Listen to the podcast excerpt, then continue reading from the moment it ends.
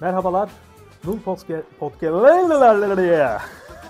Geçen bölüm bana geliyordum bak şimdi senin başına geldi. Hadi ne yapayım?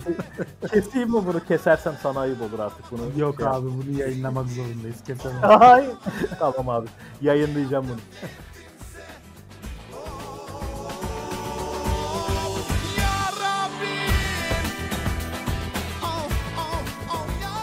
Neyse girişimizi de yapmış olduk. Ee, merhabalar tekrardan. Merhabalar Özlem. Yine- Nasılsın?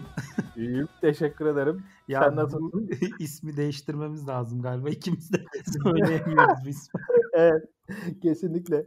Bir de şimdi e, aynı kahkahaları falan buna da koymak zorundayım ya. Şimdi Evet çok- abi, onların hepsini editlemen lazım artık. Evet. Ne haber Tamam. nasılsın? Nasıl gidiyor? İyi nasıl gitsin? Uğraşıyoruz işler vesaire. Ee, aynı devam ediyor aslında. Çok fazla bir gelişme yok. Ee, bilmiyorum dünya ne durumda. Birazcık şey kaldım. Çok e, yabancı kaldım açıkçası. Gündemi de çok fazla takip ettiğim söylenemez. Bazı önemli olaylar dışında çok ilgilenemiyorum açıkçası yoğunluğumdan dolayı. Sen nasılsın? Sen de iyisin. Ben de iyiyim valla. Ee, gayet güzel gidiyor. Tahmin edeceğin gibi yıl sonu. Yıl sonuna doğru biraz bir yoğunluk artışı var. Ee, koşturuyoruz. Onun dışında ben de gündemi çok takip edemiyorum açıkçası. Onun Evet. dışında yeni kitaplar okumaya başladım. Ee, Refactoring'in e, ikinci serisini okumaya başladım. Başlamıştım sonra e, bir yarıda bırakmıştım. Sonra tekrardan aldım. Daha önce okuduklarımda notlar çıkarmamıştım. Bu sefer notlar da çıkarıyorum. Epey güzel, keyifli tabii JavaScript üzerinden anlatmaları, örnekleri falan ayrıca bir dikkatimi çekti. Ee, onu okuyorum. Evet o güzel bir şey. Onu ben de fark ettim. Normalde bu tarz e, kitaplar hep Java üzerinden. Özellikle Java üzerinden. İşte Head First, Design Hı hı. Pattern vesaire. Bütün hepsi Java üzerinden anlatır. Yani böyle sektörde bu kadar çok kabul görmüş bir kitabın, e, bir eserin JavaScript üzerinden örneklendiriyor olması da aslında Ya e, orada e, Martin Fowler e, girişte şey demiş, e, JavaScript'in hani e, yapı olarak herkes tarafından kolaylıkla okunabileceğini e, düşündüğü için örnekleri JavaScript üzerinden vermişler. E, kitabın tabii şey aşamasında, yazım aşamasında da epey bir incelemeden geçmiş. İnceleyen kişileri de biraz araştırdım. JavaScript konusunda da yine önemli bazı isimlerden destek alınmış. E, örnekler güzel, basit, sade, anlaşılır, e, oldukça e, faydalı. E, yani aslında şunu da vurguluyor. Hani bir önceki baskıyı da yine biraz karıştırmıştım. Her ne kadar Java üzerinden olsa da yine de e, anlattıkları şeyler biraz daha e, dilin konseptinin biraz daha dışında konular. E, o yüzden rahatlıkla şey yapabiliyorsun yani kafanda farklı bir dile hemen e, oturtturabiliyorsun yani kafanda onları Zaten- biliyorsun. Tabii zaten çoğu zaman şey oluyor. Yani o e, type safety vesaire gibi konulara çok girmeden direkt anlayabileceğin şekilde condition'lar, işte guard clauses'lar vesaire çok anlaşılabilir zaten. Hani bazen şey ben çoğu zaman şey diyordum. Ya bu JavaScript mi acaba? JavaScript'le mi yazmışlar bunu falan diye böyle. Öyle bir Yani şey var. güzel bir kitap. Ee, okunmayanlara tavsiye ederim yani tekrar okumalarını. Ee, oldukça güzel. Ee, şeyde e, Safari Books üzerinden okuyorum. Birkaç tane daha var zaten kitap e, gündemimde. Bunu bitirebilirsem sonrasında da onlara vakit ayıracağım. Bu sefer normalde not çıkarıyordum. Ee, bu sefer daha farklı bir yol izledim. Yani yine not çıkarıyorum ama e, bu sefer örnekleri de e, kendi projelerimize biraz e, uyarlamaya çalışıyorum yani oradaki örneklerle kendi içinde çalıştığımız kodların içerisinde biraz e, görmeye çalışıyorum. O şekilde biraz daha anlamaya çalışıyorum olayı. E, epey faydalı yani biliyorsunuz kod review falan çok fazla yapıyorum ben gün içerisinde. E, biraz daha bakış açımı değiştirmeye başladı açıkçası.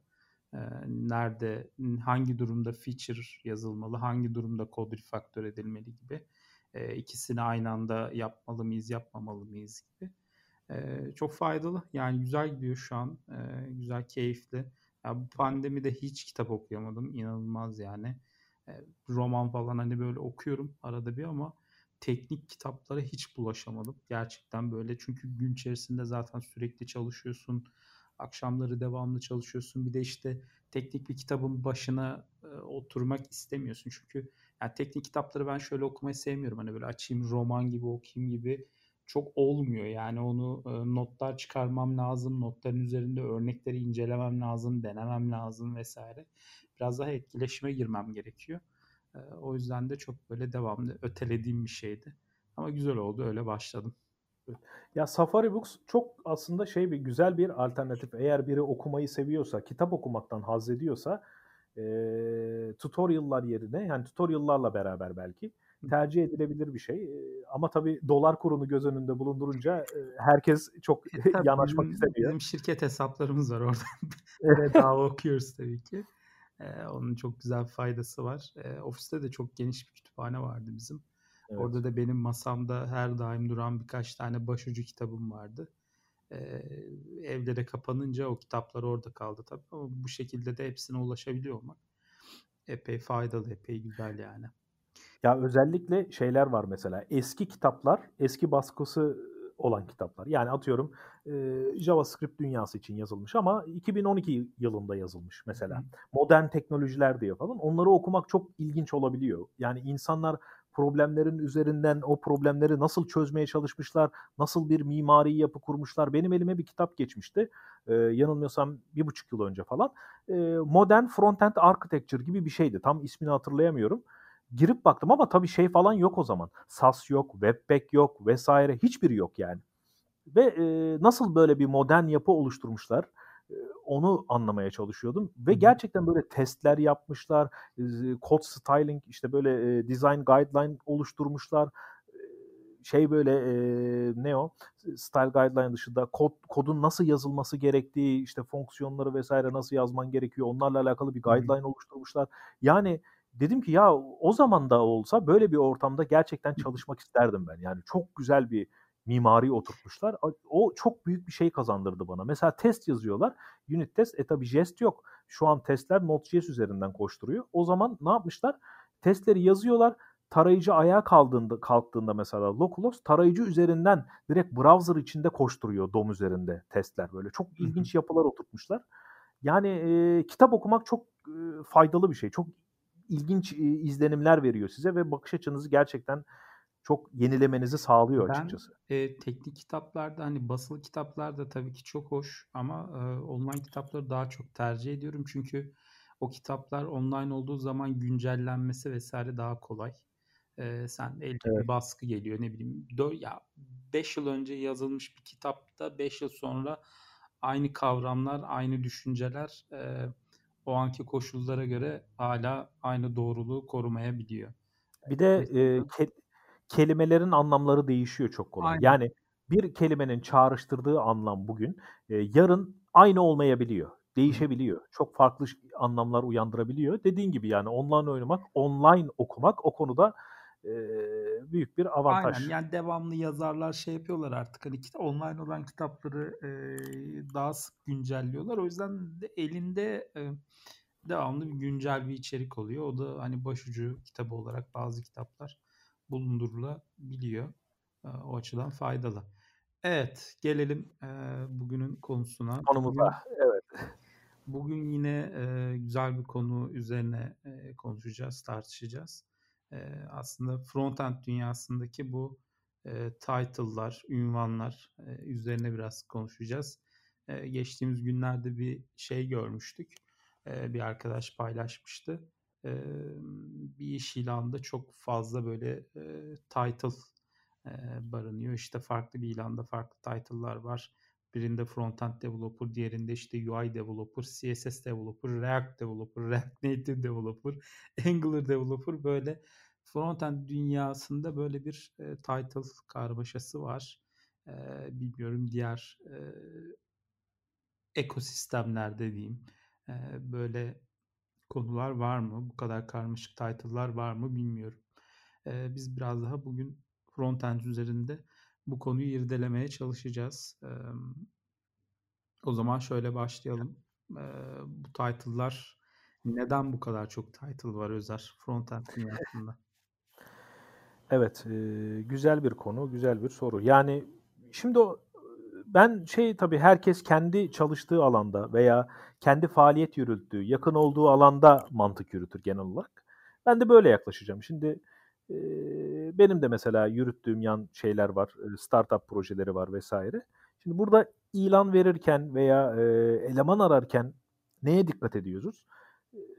Özellikle yapılan işin karşılanmasıyla alakalı ciddi bir endişe oluşuyor. Özellikle şeyse, genellikle startuplar bu kadar çok title'a başvururlar. Yani büyük şirketlerde çok fazla böyle e, title çeşitliliğine bu, bu kadar çeşitlilikle karşılaşmazsınız. Yani front-end developer'sa front-end engineer'dır o. Yani React yazacak olan da front-end engineer'dır. İşte PHP'nin içerisinde, Java'nın içerisinde normal monolitik uygulama içerisinde frontend kodlama yapacak olan kişi de JavaScript yazacak olan kişi de frontend engineer'dır. Yani o şekilde yaklaşırlar veya ne derler JavaScript engineer derler. Eğer illa Node.js vesaire de yazılacaksa belki full stack denir. Ama bu kadar çok şey göremezsiniz.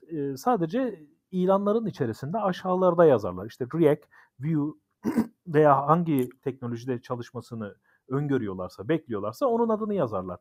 Node.js, Express, GraphQL bilmesi vesaire. Yani çıkıp da React Native Developer veya CSS Developer demez yani büyük şirketler. Bunu startuplar yapar. Niye yapar? Ee, çok basit. Bütçe kısıtlıdır çünkü. Yani bütçe kısıtlı olduğu için e, çok kaygı, bazı kaygılar gözetilerek o ilanlar yazılır ve tam e, ilana başvuran kişilerin veya görüşülen kişilerin o ihtiyacı karşıladığından emin olmak isterler. Yani CSS developer yazıyorsa bu şu demektir. Ya arkadaş bak e, sen frontend olarak başvuruyorsun ama çünkü biz sana CSS de yazdıracağız. Yani ekseriyetle bizim konumuz işte belki PSD'di, PST'di, CSS, şu an tabii Sketch, Figma vesaire var. Oralardan işte e, kod dökümü yaptıracağız, CSS yazdıracağız. İşte sayfadaki stil bug'larını çözdüreceğiz. Yani arkadaş ben bununla uğraşmak istemiyorum. Ben hardcore JavaScript işte e, state'lerle bir şeyler yapmak istiyorum. React yazmak istiyorum, Vue yazmak istiyorum vesaire e, deme, dememesi için önden bir önlem olarak CSS developer gibi bir şey söylenebilir veya React Native yazdırılacaktır. Dolayısıyla şimdi orada bir DevOps süreci de var. Yani hı hı. yazacaksın kodu, Android'e derleyeceksin, derlenmeyecek. iOS'a derleyeceksin, derlenmeyecek. Problem oluşacak. Oturacaksın, bunlarla uğraşacaksın. Android Studio'yu indireceksin, bunlarla uğraşacaksın. Dolayısıyla oradaki beklentiyi net olarak verip yani bununla uğraşacaksın. Hani sonradan e, sıkıntı yaşamayalım açıkçası. Direkt ben kendi penceremden baktığımda hmm. bu bir endişenin aslında tezahürü gibi görünüyor benim için ve e, net olmak karşı tarafa. Yani karşı tarafta geldiğinde ne yaptığını biliyor olması, e, bu tarafında işveren tarafının da ne istediğini, ne alacağını e, önceden taahhüt ediyor olması olarak görüyorum ben bu konuyu. Tamam peki o zaman şöyle gidelim. Ee, nedenleri aşağı yukarı benim de kafamda benzer şekilde. Ee, sadece şu konuda biraz e, çekincelerim var. Yani kendisini bir insan CSS, HTML developer olarak tanımlayıp böyle bir kariyer peti çizebilir mi veya çizmeli mi? Yoksa Çok kendisini güzel. front-end developer olarak tanımlayıp bu e, title'ları aslında çalıştığı şirketin e, onun e, görev tanımıyla alakalı bir e, sunduğu bir şey olarak mı e, düşünmeli? Evet, çok güzel bir konuya değindim bak. Yani bu aslında çok büyük bir yara biliyor musun? Bence. Çünkü şöyle e, herkesin öne çıkan bir yeteneği var. Hepimiz aslında front-end engineer'ız baktığında. O, sen de öylesin, ben de öyleyim. Tanıdığımız birçok e, frontend'in farklı alanlarında iş yapmaya çalışan insanlar da frontend developer olarak, frontend engineer olarak çalışıyorlar. Ama kiminin mesela gerçekten çok e, iyi CSS yeteneği var. Kimisi çok güzel mimari yapı oturtuyor mesela. Çok güzel bir e, komponent tasarlıyor atıyorum. Yani bir, bazı insanlar gerçekten bazı konularda yetenekli olabiliyor. Mesela bir CSS developer var. Oturuyor SVG'lerden aman Allah'ım bir animasyonlar yapıyor. Yani hayranlıkla bakıyorsun. Yani sanki o o biz aynı işi yapmıyoruz. Kesinlikle biz o kişiyle aynı işi yapmıyoruz. Yani o e, CSS developer'sa ben bilmiyorum CSS'i yani. Hani 10 yıldır yazıyorum ama o, o bambaşka bir dünya şimdi. E, şimdi öyle olunca da bir şey diyemiyorsun. Ben CSS yazarım. Başka bir şey yazmam dediğinde tamam yaz diyorsun yani. Hani bana da öğret ben de yazayım senin gibi diyorsun. Hani Öyle bir şey var. Yani bu aslında geldiğimiz noktada frontend dünyasında o kadar çok çeşitlilik arttı ki ve her alan kendi içerisinde bambaşka bir dünyayı barındırıyor. Belki de biraz e, bu kadar ayrımın yapılması bunun gerekliliği de olabilir. Hani biz yıllar önce ilk e, bu işlere başladığımızda webmaster diye başlıyorduk. Her zaman evet. konulardan bahsederken derdik işte bizim zamanımızda webmasterlık vardı. Bir kişi her işi yapıyordu.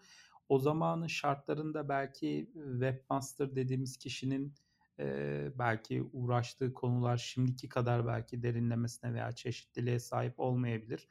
E, şimdi her şey değişti. Yani CSS'e eskiden işte çok böyle e, alaycı gözle bakılırdı ama işte az önce senin de söylediğin gibi yani CSS'te neler neler yapılıyor, oyunlar yapılıyor, animasyonlar yapılıyor ve gerçekten iyi CSS ve HTML yazan insan e,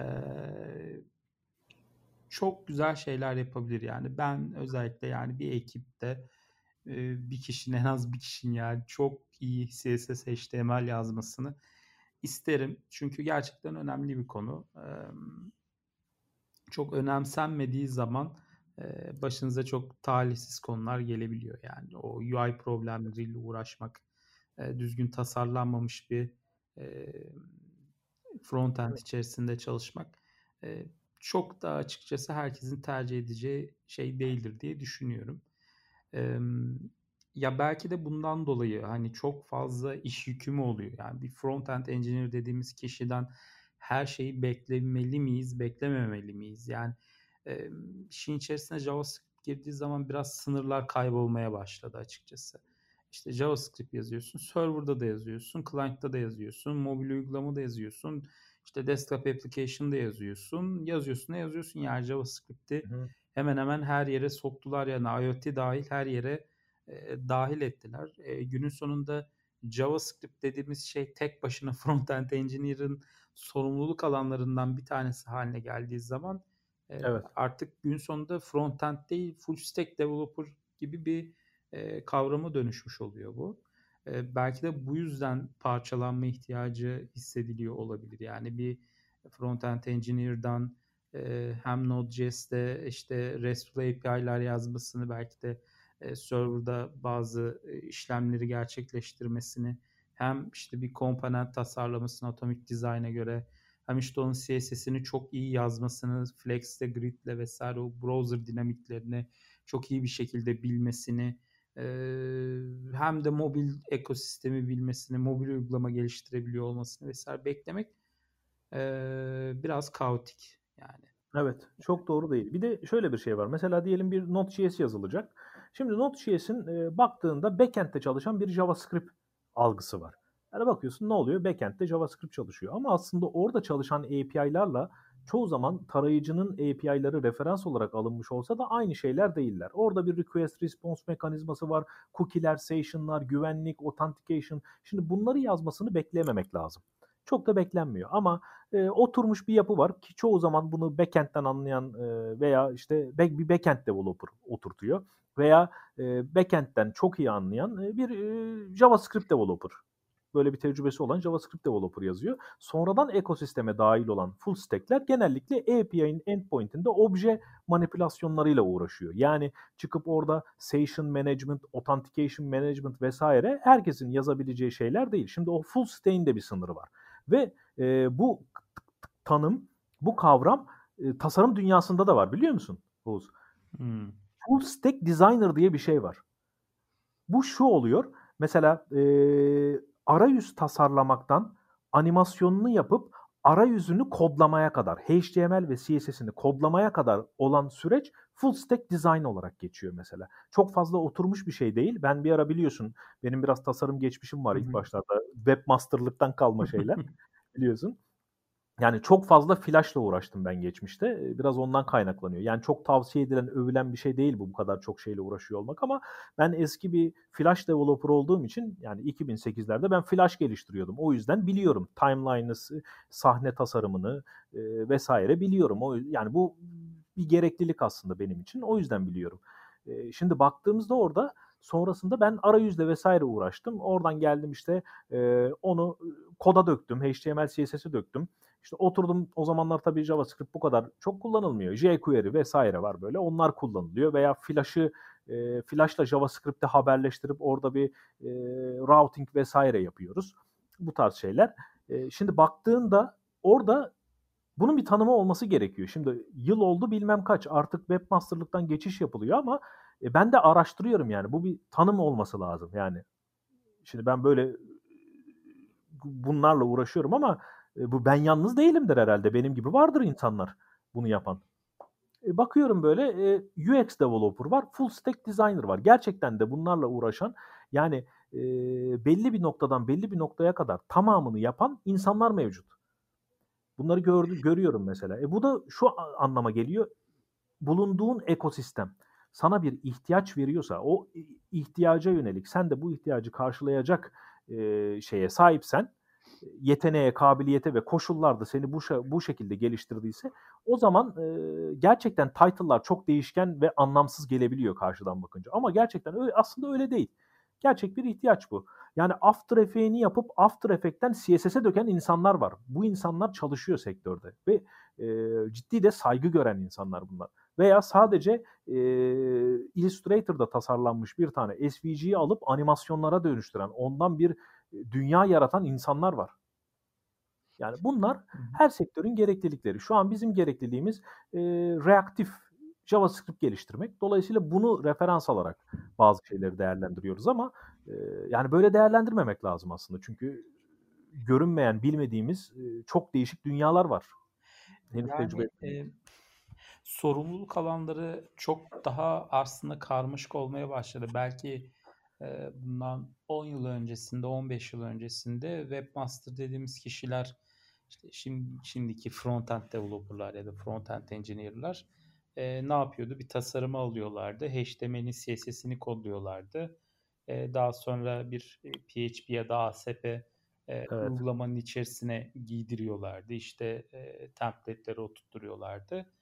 E, sonrasında artık backend developer'a bırakıyorlardı ve çekiliyorlardı e, kenara. Evet. E, şimdi geldiğimiz noktada elimizde sadece bir tane RESTful API var. E, bir de frontend developer dediğimiz kişi var. Ve uçtan uca her şeyin bu kişiden yapılması bekleniyor. Hı hı. E, bu yani ne kadar mantıklı, ne kadar doğru ve ne kadar sürdürülebilir olur? E, benim bazı çekincelerim var bu konuda. Çünkü Yok. bu kadar çok sorumluluk alanı olduğu zaman o kişinin tüm adımları da yani CSS'ini de HTML'ini de React'ını da Vue's'unu da işte Node.js'inde vesaire uçtan uca o DevOps cycle'larına kadar tüm süreci e, hepsini mükemmel bir şekilde yapabileceğine çok da yok, yok. ben. Yani herkesin bir uzmanlık alanı var dediğin gibi. Yani CSS konusunda evet. çok iyi olabilir. E, işte React konusunda çok iyi olabilir. Ama hepsinde çok iyi olmayabilir. Yani o zaman ne front-end developer dediğimiz kişinin bu kadar şeyden anlıyor olmasını beklemek e, bilmiyorum biraz sanki haksızlık oluyor gibi artık günümüz dünyasında e, gerçekten yani çok alt dallara artık kırıldı ve o her alt dal kendi içinde bambaşka bir dünya barındırıyor. Bugün React dediğimiz zaman React ve React'ın etrafındaki ekosistemi bir gözünün önüne getirdiğin zaman işte Redux'ıyla, Next.js'iyle, şu suyla, bu suyla e, kendi ekosistemi oluşmuş durumda ve e, insanlar da buna yatırım yapıyorlar. Bu ekosistemde uzmanlaşmaya çalışıyorlar. E, ama biz tabii her zaman işte bir önceki podcastlerimizde vesaire de diyoruz. E, bunlara yatırım yapıyor olmak da biraz riskli. Yani bugün siz kendinizi React developer olarak tanımlarsınız ve o alana tamamen yatırım yapmış yaparsınız e, yarın bambaşka bir şey çıktığı zaman ne yapacaksınız? Yani o geçişi yapabil hızlı o geçişi yapabilecek esnekliğe sahip olmanız ve e, altyapınızın iyi olması lazım. Bu noktada da yine ana konulara odaklanıyoruz. HTML, CSS, JavaScript. HTML, CSS, JavaScript. Yani bu üç konu üzerinde özellikle durmak gerekiyor. Tüm altyapınızı aslında bunları güçlendirmek üzere e, eforunuzu buraya harcamanız gerekiyor. bilmiyorum yani React Developer, React Native Developer gibi kavramlar. Hani belki şöyle olabilir. yani front-end developer dediğimiz kişi işte uçtan uca tüm client side işlemleri yaptığını düşünelim. CSS HTML developer dediğimiz kişi aslında bir UI developer gibi algılıyorum ben. Bilmiyorum yani yanlışsa düzeltmeyin lütfen. bu biraz daha işte sadece HTML CSS bir tasarımı alıyor. işte responsive olarak kodluyor. Bir HTML çıktı üreten bir kişi olarak görüyorum. İşte JavaScript developer dediğimiz kişiler var. Bu kişiler biraz daha işin hem işte Node.js'ini yazabilecek kabiliyetli olan insanlar, RESTful API'ler üretecek kabiliyetli olan, biraz daha backend'e yakın görüyorum bu insanları. İşte mobil application'lar geliştirebilirler, React'la, React Native'le vesaire. Biraz daha işin core prensiplerine aşina kişiler olarak düşünebiliriz. Ee, sanki bu kadarı yeterli gibi bilmiyorum. Yani ben baktığın zaman çok daha böyle e, şeyler görüyorum işte React Developer, React Native Developer, Vue ya bir framework özelinde ben işte Vue Developer'ım, React Developer'ım demek e, ne kadar mantıklı bilmiyorum yani. Sanki hani birkaç tane title'la çözülebilecek bir konuyu böyle çok daha böyle e, parçalara bölmeye çalışıyormuşuz gibi bir e, his var içimde. Sen ne düşünüyorsun bu konuyla ilgili? Yani bu kadar parçaya bölmek gerekiyor mu gerçekten?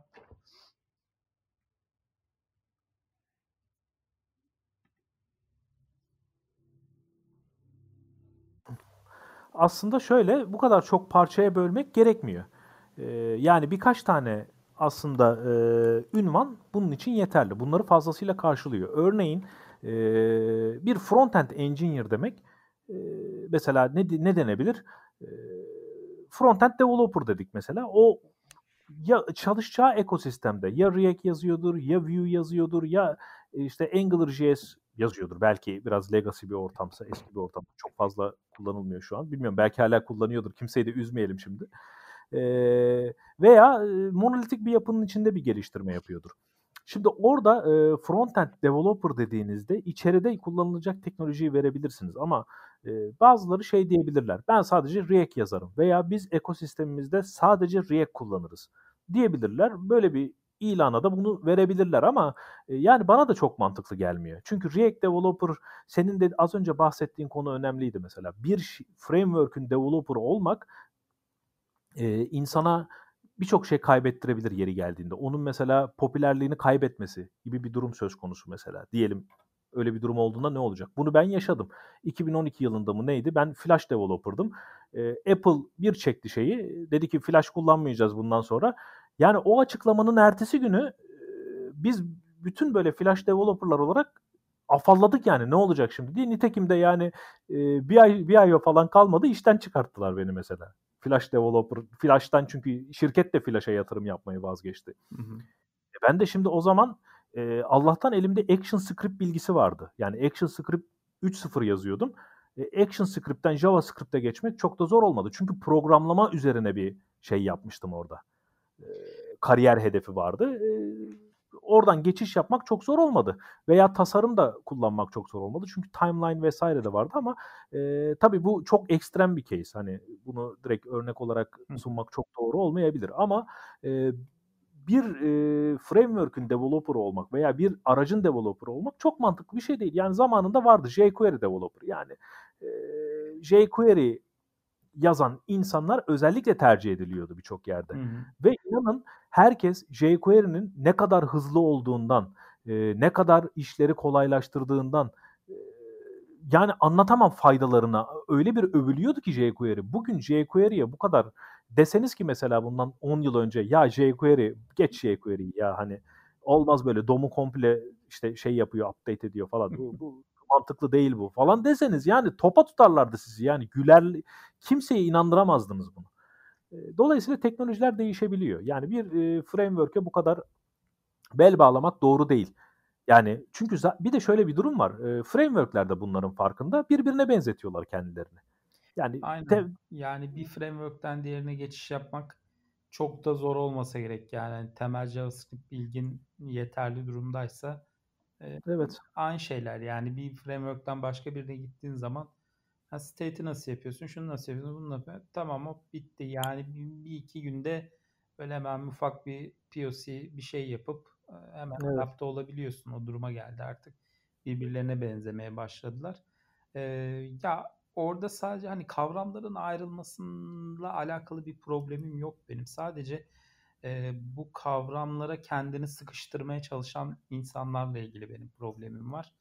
E, yani sen kendini React Developer olarak tanımlayıp e, o kontekstin içerisine hapsettiğin zaman ve dış dünya ile çok fazla ilgilenmediğin zaman sadece o ekosistem üzerinde ilerlediğin zaman e, ya mutlaka problem yaşıyorsun. E, bunu altyapıyla da destekliyor olmak gerekiyor. Yani bakış açını en azından değiştirmek için farklı kütüphanelerin, farklı frameworklerin çalışma prensiplerini incelemek, oralarda neler oluyor bunları incelemek e, oldukça önemli. E, sadece şöyle bir şey kaçırıyoruz yani framework framework üzerinden gittiğimiz zaman e, işin gerçekten e, püf noktalarını çoğu kişi kaçırıyor ve bu sefer o framework'ün e, her şeyi gerçekten doğru yaptığını o kadar çok körü körüne inanan insanlar var ki e, evet. yani kos diyorsun ki işte e, React diyorsun işte ya koskoca Facebook ya o, o mu hata yapacak yani biz mi daha iyi biliyoruz durumuna geliyor ya hani belli bir noktada insanlarımız evet, evet. da kendini küçümsemeyi severler. E, işin püf noktalarını bilmediğin zaman evet yani böyle bazı frameworklere bazı kütüphanelere körü körüne bağlanabiliyorsun ama püf noktaları e, öğrendiğinde, işin altyapısını öğrendiğinde biraz daha e, farklı bir gözle bakıyorsun. Ya abi bir de bu test edilebilir bir şey ya. Yani e, bir framework'ün iyi mi kötü mü olduğunu test edebileceğimiz parametreler var. Yani e, nasıl ki atıyorum bir e, sıvı sıvının ölçü birimi litre ise bizim de ölçü birimlerimiz var performans time complexity diye bir şey var. Hı hı. Yani bir şey daha mı hızlı oluyor, daha mı yavaş oluyor? Yani bunu time complexity'yi hesaplayarak oturup çözebilirsin. Örneğin JSX daha mı hızlı, daha mı yavaş? E, otur time complexity'sine bir bak neler yapıyor. Yani o algoritmada oluşturduğu data structure'larda nasıl işlemler yapıyor, nasıl bir sorting, nasıl neler yapıyor bir bak. O zaman kendin de söylersin. Yani hızlı mı, yavaş mı? Atıyorum çok basit bir örnek ya birçok alanda böyle. Dediğin gibi yani biz biz aslında şeyiz. Çok eski tabirle programcıyız. Yani programlamayı bilmemiz gerekiyor. İlk bilmemiz gereken bu. Data structure, algoritma bunları bileceğiz. Veri yapıları, algoritmalar. Ona göre değerlendireceğiz. Yani ölçü birimimiz var bizim. Bu yani bu yeni çıkan bir şey değil ki. React'i farklı, Vue'yu farklı, Angular'ı farklı, Ember'ı farklı değerlendirmiyoruz. Yani bir yazılımı hızlı kılan, bazı unsurlar var. Tabii ki yazım kolaylığı vesaire bunlar per, şeyi e, yazılımcıyı ilgilendiren şeyler ama yazılım aslında yazılımcıyı değil makineyi ilgilendiriyor. Sen, senin hoşuna gidiyor olabilir ama bakalım CPU'nun hoşuna gidiyor mu? RAM'in hoşuna gidiyor mu? Heap'in hoşuna gidiyor mu? Yani bunları bir hesaplayıp düşünüp karar vermek gerekiyor. Ölçü birimimiz bu. Yani internette ben görüyorum mesela yazılar var makaleler React versus işte Angular işte React versus Svelte vesaire. Yani çok da anlamlı değil onlar. Ve popülaritesini yitirecek. Yani programlamaya yatırım yapmak lazım. Bir framework belli dönemler güzel kazandırır. Doğrudur. Developer arkadaşlara bu e, kokuyu takip etmelerini tavsiye ederiz yani. Ama e, o framework'e sıkışıp kalmamak lazım. Ha bu şu demek değildir ki onu yazarken onu da yaz, onu da yaz, onu da yaz. Yok. Bakış açısı olarak yani ya evet. bugün bugün bu olur, yarın o olur yani. Ya evet etrafınızda açıkçası yani söylemek istediğiniz etrafınızda kalın duvarlar örme, örmeyin yani. Ben React yazıyorum. Hiçbir zaman Vue yazmayacağım gibi. Ya gerçekten e, yani başınıza ne geleceğini bilemezsiniz. E, ihtiyacınız olabilir. Yani teknolojilerle alakalı, teknolojiyle alakalı fanatizm yapmak e, çok doğru bir şey değil. Twitter'da özellikle bazı şeyler çok çabuk hype oluyorlar maalesef. Ve belli kişileri takip eden kitleler, özellikle yeni başlayanlar o hype'ın peşinden gidiyorlar ve zamanlarını boşa harcıyorlar açıkçası. işin temeline yine de vurgu yapmak gerekiyor. Yani işin temelini öğrenmek, ondan sonra bu tarz kütüphanelere, frameworklere bağlı olarak çalışmak gerekebilir. E, yani hiçbir zaman şey demeyin yani ben R kullanıyorum asla Vue'yu kullanmam gibi öyle kalıplarınız olmasın. Ben iş görüşmelerinde çok fazla denk geliyorum böyle. E, front-end developer pozisyonuna başvuruyorsun. E, tamam işte React'de yazıyorsun. jQuery de var, şu da var, bu da var. Ya bazı insanlar direkt şunu diyebiliyor yani ben işte e, şey yazmam. E, jQuery yazmam. Yani bu tarz e, durumlarla da karşılaşabiliyoruz. O yüzden yani e, kendinizi bir programcı olarak görüp e, dilleri, frameworkleri, kütüphaneleri birer araç olarak e, görmeniz gerektiğini düşünüyorum ben. E, yani yaptığınız işten bu şekilde zevk almalısınız. E, sonuçta bizim işimiz problem çözmek. E, evet. Bunu hangi yöntemle ve hangi araçla çözdüğünüz çok da önemli değil açıkçası. Önemli olan problemi çözmek her zaman. Evet. O yüzden etrafınıza bu tarz kalın duvarlar örmemenizi tavsiye ederim ben. Tabii. Kesinlikle. Ya bir de şu olabilir. Bir yazılımcının şunu demeye hakkı var. Yani ben jQuery yazarsam mesela yeni başlamışım. Daha bir yıl olmuş, iki yıl olmuş sektöre gireli. Ya ben jQuery yazarsam React öğrenemem. E, iş bulamam. Yani böyle kaygıları olabiliyor. Şimdi biz Oğuz senle yıllardır bu işi yaptığımız için Bizim böyle bir kaygımız yok. Yani ben şu anda jQuery'de yazarım, Google Clojure'da yazarım. Yani Ember bile yazarım. Yani benim için bir şey yok. Çünkü birinden birine geçiş yapabileceğimi, çok kolay geçiş yapabileceğimi, yani çok kolay demeyeyim bu kadar abartmayayım ama yani geçiş yapabileceğimi, gerekliliklere uyum sağlayabileceğimi biliyorum. Ve bu konuda da e, herhangi bir mülakatta problem yaşamayacağımı düşünüyorum mesela açıkçası. E sen de aynı şeyi düşünüyorsun ama yeni başlayan bir developer böyle düşünmüyor olabilir. Yani şunu diyebilir. E ben jQuery yazarsam jQuery'yi öğreneceğim. Ama benim React öğrenmem lazım ki sektörde iş bulabileyim. Şimdi bunu derse bu biraz anlaşılabilir ama yani ben kesinlikle bir tavır olarak jQuery yazmam. Yazılır mı ya jQuery falan kafasındaysa evet, e, o, o, bak şunu da söyleyeyim yanılıyor. Birçok sitenin benchmark'ını oturur yaparız. Çok güzel yazılmış bir jQuery ber, yani e, dikkat edilmeden yazılmış React'ten daha hızlı çalışır. Ya evet katılıyorum. Hani doğrudan işte jQuery şöyle e, vesaire gibi hani e, atıp tutmadan önce biraz daha e, bu atıp tutmayı gerçekleştirebilecek bir donanıma da sahip olmak. O ikisi arasındaki farkları da böyle ezbere konuşmadan e, oturup inceleyip benchmarkını yapıp e, analizini yapabilecek teknik donanıma da sahip olmak gerekiyor. Yani uzaktan işte jQuery kötüdür gibi atıp tutmak da çok doğru değil ama benim sadece burada hani vurgulamak istediğim şey şu 4 yıl, 5 yıl, 6 yıl neyse tecrübesi var diyelim X kişisinin. Ben jQuery yazmam yani. Hani bu ya da ben jQuery legacy sistemle uğraşmam. Yani bunlar hani çok da kabul edilebilir şeyler değil ya. Hani o yüzden diyorum ya etrafınızda hani böyle kalın duvarlar örmeyin. Yani hani jQuery yazdın diye sen kötü bir e, şey olmuyorsun yani kötü bir developer ya. olmuyorsun sen. React yazdın diye de çok mükemmel bir developer olmuyorsun. Şimdi o konuda çok e, şey yaklaşımlar var Oğuz. E, bazıları hatta ben işte jQuery yazmam, ben uğraşmam bu legacy sistemlerle diyen insanlarla alakalı bazı yakıştırmaları var. Tabii çoğu hoş değil ama e, bazıları da gerçekten çok sitem ediyor bunlara. Bazı şirketler. E, ya haklılık payları var mı? E tabii biraz var. Şimdi yazılımcının işi problem çözmek. Biz kendi açımızdan konuşuyoruz. E tabi yeni başlayan developerların dinamikleri, yaklaşımları, dünyaya bakış açıları farklı oluyor. Ama bizim açımızdan düşündüğünde yani girip bir jQuery ortamında veya JavaScript ortamında bir şey kurgulamak, bir yenilik getirmek, oradaki bir eksikliği telafi etmek çok büyük bir meziyettir. Yani her zaman için yazılımda minimum maliyetle ne kadar performanslı ve güzel bir iş ortaya koyarsanız bu size o kadar başarılı mühendis yapar. Her alanda böyledir bu. Hızlı giden motor yapıp az yakan motor yapmak makbuldür yani. Çok hızlı giden motorlarla yüksek işte yakıt tüketen şeyler zaten bunun doğası bu. Yani çok hızlı gidiyorsa zaten çok yakıt tüketecek. Ama olay şey zaten ikisini optimize edebilmek. Yani legacy bir sistem var, hantal çalışıyor hızlandırılamaz. Hızlandırılır. Niye hızlandırılmasın? O da yazılım, o da yazılım.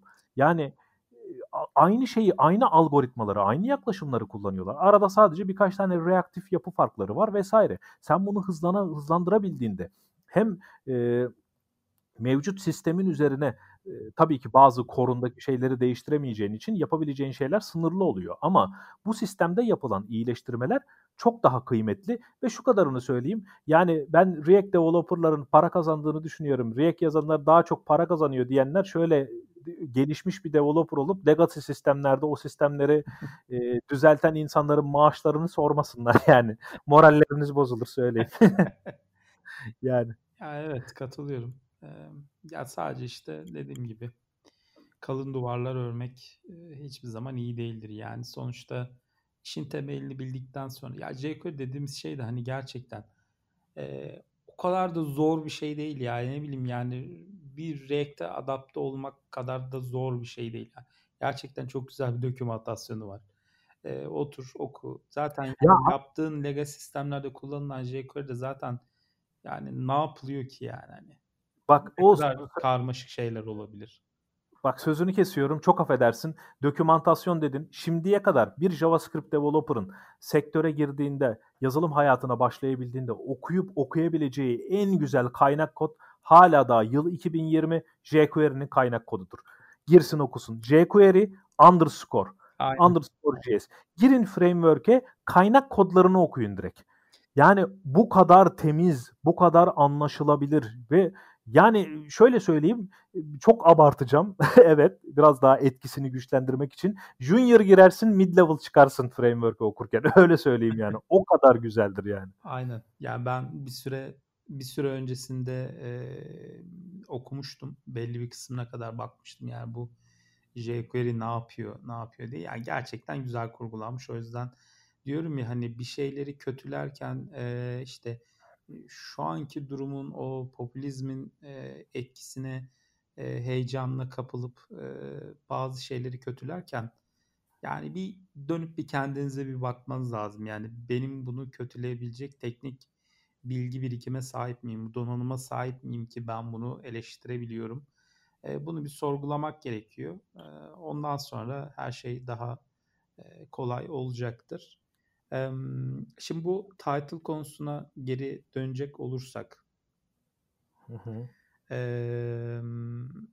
son olarak şunu mu diyoruz? E, bu kadar title olmasına gerek yok aslında. E, bu kadar çeşitliliğe sahip olmasına gerek yok. Ama front-end developer dediğimiz kişi de tüm bu sorumlulukları aslında bir arada götürebilecek ve hepsini aslında aynı kalitede götürebilecek kadar bunları takip etmesi, kendisini geliştirmesi gibi konular da çok yorucu ve zor olacaktır. O yüzden bunun birkaç alt kırılıma bölünmesinde fayda olduğunu düşünüyoruz biz. Ama bir framework developer olarak kendini insanların tanıtması ve bu şekilde kariyer petlerini çizmesinin de gelecekte onları çok da aslında e, parlak şeylerin beklemediğini gösteriyor diyebiliriz. Yani bir e, kendinize bir React developer demeniz, React Native developer demeniz e, ve kendinizi sadece o ekosistemde ilerletiyor olmanız çok da mantıklı olmayabilir. Belki kendinize JavaScript developer demeyi tercih edebilirsiniz. E, ya da frontend developer diyebilirsiniz ama e, şu noktada hem fikrim e, yani CSS, HTML gibi biraz daha tasarımsal ve UI, konu, UI ile alakalı konulara kafa yormuş ve buralarda daha böyle e, eli yatkın işte e, bakış açısı farklı insanların da e, bence ayrıma gitmesi gerekiyor gibi anlıyorum. Evet. Yani çünkü bugüne kadar çalıştığım yerlerde, çalıştığım ekiplerde hep gözlemlediğim kadarıyla böyle bir ihtiyaç var. Yani front-end developer dediğimiz ya herkesin CSS iyi değil abi ya. Ya benim mesela çok iyi değil yani. Ben hani böyle e, yani iyi e, ama şöyle ya yavaş yapıyorum yani. Ben hani bir ver bana işte bir tasarımı ver bana piksel uğraşıyorum yani. Hani çünkü evet.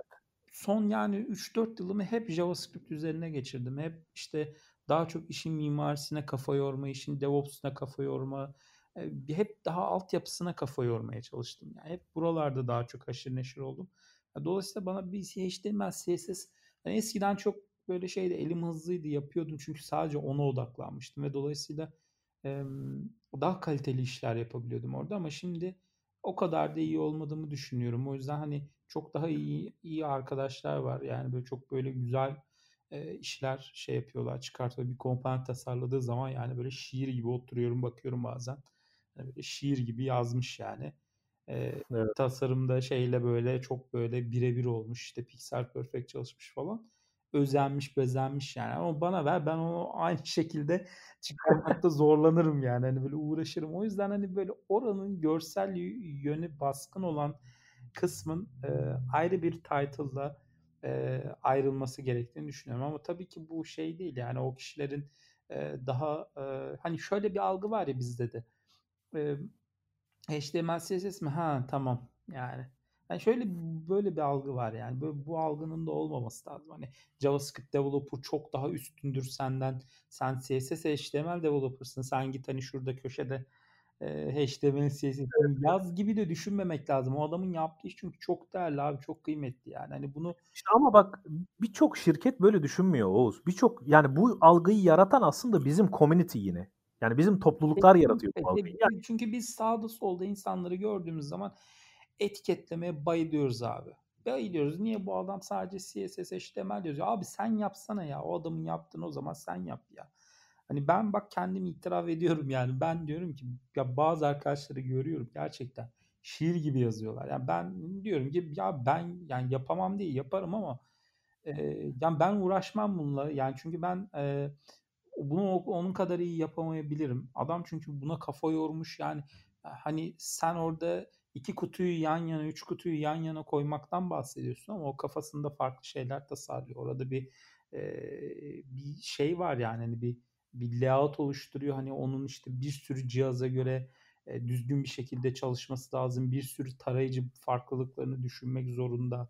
JavaScript'te de var bunlar ama JavaScript'te nispeten birçok şey işte e, Babel tarafından polifillerle şunlarla bunlarla e, aşılmış durumda yani ama CSS tarafında e, yani işler biraz daha farklı. İşte tasarım sistemleri var. Atomik dizayna göre atomik dizayn prensipleri var vesaire ve çok böyle e, biraz daha tasarıma yakın bir ve aynı zamanda biraz da işte front end'e yakın. Tam böyle ara pozisyon gibi bir pozisyon aslında benim kafamda. Evet bak çok güzel bir yerde durdun. Bir yere girdin. Ara pozisyon. Her zaman için bazı şeylerde birçok şirkette çok önemli kritik ara pozisyonlar vardır.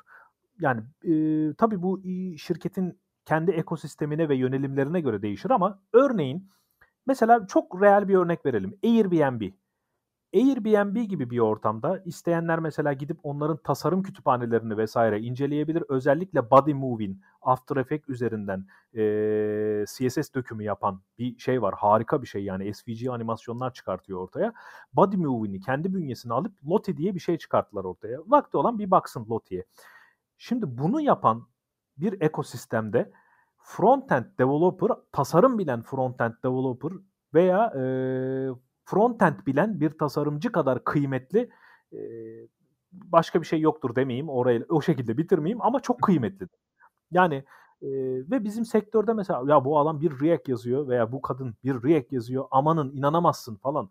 Yani bu değil. Bundan çok daha kıymet veriliyor o ortamda. Çok daha kıymetli bir şey o ortamda yani böyle bir kıyaslama da doğru değil belki. O ondan kıymetli, bu bundan kıymetli. Yani ya ben evet, de aynı şeyi. Kendi kendi alanında gerçekten önemli değerler üretiyor. Yani bir hani şey gibi bir durum yok. Aman işte e, CSS developer olmazsa işte ölürüz biteriz. JavaScript developer ölürüz biteriz. Ya öyle bir şey tabii ki yok ama hani biz böyle sektörde işte komünitelerde şunlar da bunlar da genellikle kendi kendimize bu pozisyonları e, küçümsediğimiz için ve bu pozisyonları aşağıladığımız için e, onları hor gördüğümüz için biraz daha şirketlerde böyle düşünüyor. İnsanların gözünde hala bence yani birçok insanın birçok işte developer'ın gözünde CSS ve HTML dediğin zaman e, çok basit e, anlaşılıyor. Yani ne olacak? İki tane float depth, width, height yerleştir hop bitti yani. Hala o dünyada yaşadığımızı zannediyorlar. Ama hala oradan gol yiyor web siteleri. Evet. Hala oradan gol yiyor. Yani. web sitelerindeki büyük bir çoğunluğu şeyden çıkıyor. UI'dan çıkıyor yani. UI bug'ları. Bunları hani böyle bir ara pozisyonu şöyle faydaları var. Bir tasarım dilinden anladığı için e, tasarım ekipleriyle iletişim anlamında çok daha verimli olabilir. İki, front-end developerların, JavaScript developerların, mühendislerin aslında diline de biraz yakın olduğu için ve o dilden anladığı için o kişilerle ve o ekiplerle iletişim kurma konusunda çok başarılı olabilir. Ve aslında tek sorumluluğu verilen tasarımı e,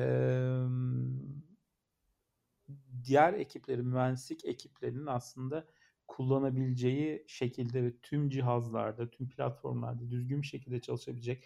Yani şöyle sağını solunu kurcaladığın zaman böyle e, birbirine girmeyecek, patlamayacak, çatlamayacak böyle gerçekten böyle e, güzel estetik bir e, komponent mesela tasarlayabilen, kodlayabilen developer gerekli yani çok da kıymetli evet. ben çok önem veriyorum yani. Çünkü Kesinlikle. gerisi gerisi yani evet tabii ki bir sürü diğer taraflarda da işin zorlukları var. Oraları da çok şey yapmak istemiyorum ama e, ya büyük bir golü buradan yiyoruz açıkçası. Çünkü ara bir pozisyon olmadığı için işte ekipte de front-end developer ama işte CSS ve HTML'den çok iyi anlamayan işte e, tasarım gözü olmayan insanlar varsa e, tasarımın yaptığı çıktığıyla ekranda gördüğün çıktı bir olmuyor. Ya bu da evet. bu da ayrı bir problem yani. Adam işte orada çiziyor. E, önceki yazılımcının çok güzel bir tweet'i vardı geçen işte. E, bu konuyla alakalı değilmiş. E, yani sen e, güzel bir şeyler tasarlıyorsun. Tasarımdan anlamayan bir frontend developer'ın eline veriyorsun ve mahvediyor onu. Yani evet. production'a çıkıyorsun işte oranın padding'i olmuş. Yani sana göre çok küçük hesaplar bunlar. Tamam ya 2 piksel kaysa ne olur? Ya adam ama orada bir sanat icra etmiş. Yani bir e, estetik olarak yani öyle olması gerekiyor. O adamın da yaptığı işe saygı duyman lazım günün sonunda. Tabii. E, senin bunu düzgün bir şekilde yapabiliyor olman lazım. Diğer taraftan da e, tasarım bu sefer şeye uygun olmuyor. E, dolayısıyla bu ara problemleri çözebilecek bu kişilerle aslında iletişimde bulunabilecek ara bir pozisyona ihtiyaç var. Bu da aslında Kesinlikle. CSS HTML developer dediğimiz işte ya buna bir de developer da diyebiliriz bilmiyorum. Ee, sadece HTML, CSS ve bu işin aslında pratikleri konusunda uzmanlaşmış e, hem tasarım gözü olan hem aslında mühendislik altyapısı olan insanlara ihtiyaç var ve bu insanlar gerçekten e, bir şirket için çok değerli. E, bu, bu insanları küçümsememek lazım ve kariyer olarak da bu alanda kendisini geliştirmek, bu tarafa yönelmek isteyen insanlar varsa da bence önleri açık. Ya belki şöyle bir şey yapılabilir. Ee, mesela programlamaya girmek istemiyor. HTML, CSS'e merakı var. O zaman UI development olabilir. Yani UI tasarımına da önem verirse, UI yaparsa o zaman belki iş bulma olasılığı çok daha artar. Ha bunun kıymeti e, düşük anlamında söylemiyorum. Yani tasarım yapmazsa kıymeti azalır anlamında söylemiyorum bunu. Sadece demek istediğim şu. Şirketlerde mesela iş bulma kaygısı çok reel bir kaygı. Dolayısıyla bu kaygıyı gidermek için mesela e, tasarım alanına yönelir, UI yapar ama HTML, CSS'de biliyor olur. Bu da inanılmaz kıymetli. Mesela ne olur biliyor musunuz? 250 kilobayt çıktı verecek sana bir tane mesela slider hazırlamaz banner hazırlamaz yani. Onu böyle güzel optimize eder. Tasarlar, güzelce kurgular.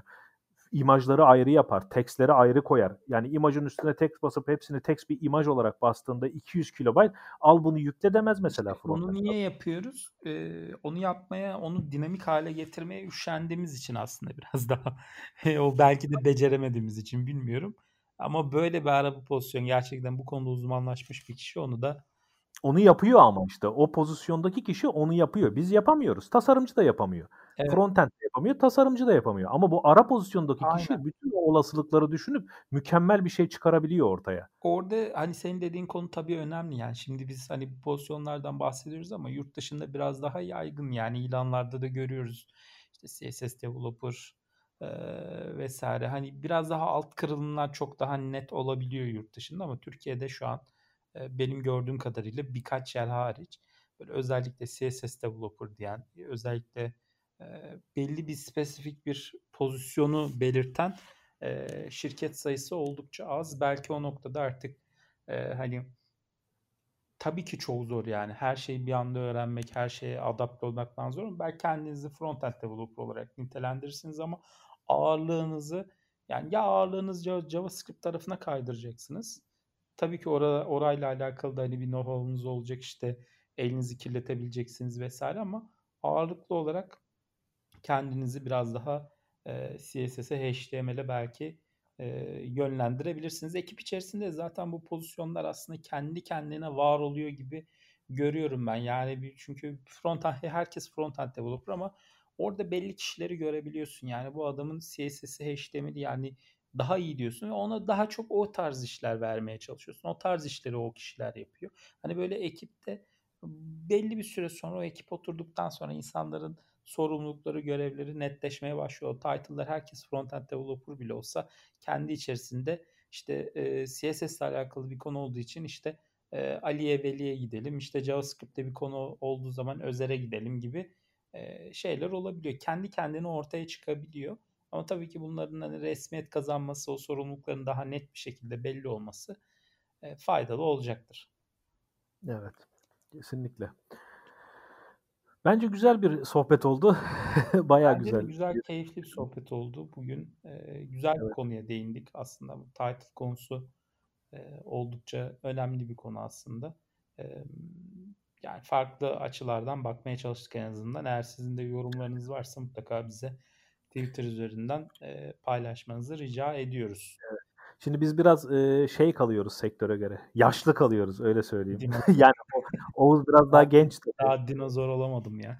evet Oğuz biraz daha genç ama yani ben kendi adıma konuşayım azıcık. Birazcık yaşlı kalıyorum. O yüzden söylediklerimiz biraz e, farklı algılanabilir. Algılanmasın yani hani kendi penceremizden bakıyoruz olaya. E, dolayısıyla umarım beğenirsiniz. Biz güzel bir şey yaptığımızı düşünüyoruz keyifli keyif alıyoruz. Umarım sizle de aynı keyfi aktarabiliyoruzdur. Dinlediğiniz için teşekkür ediyoruz. Bir sonraki bölümde görüşmek üzere. Kendinize iyi bakın.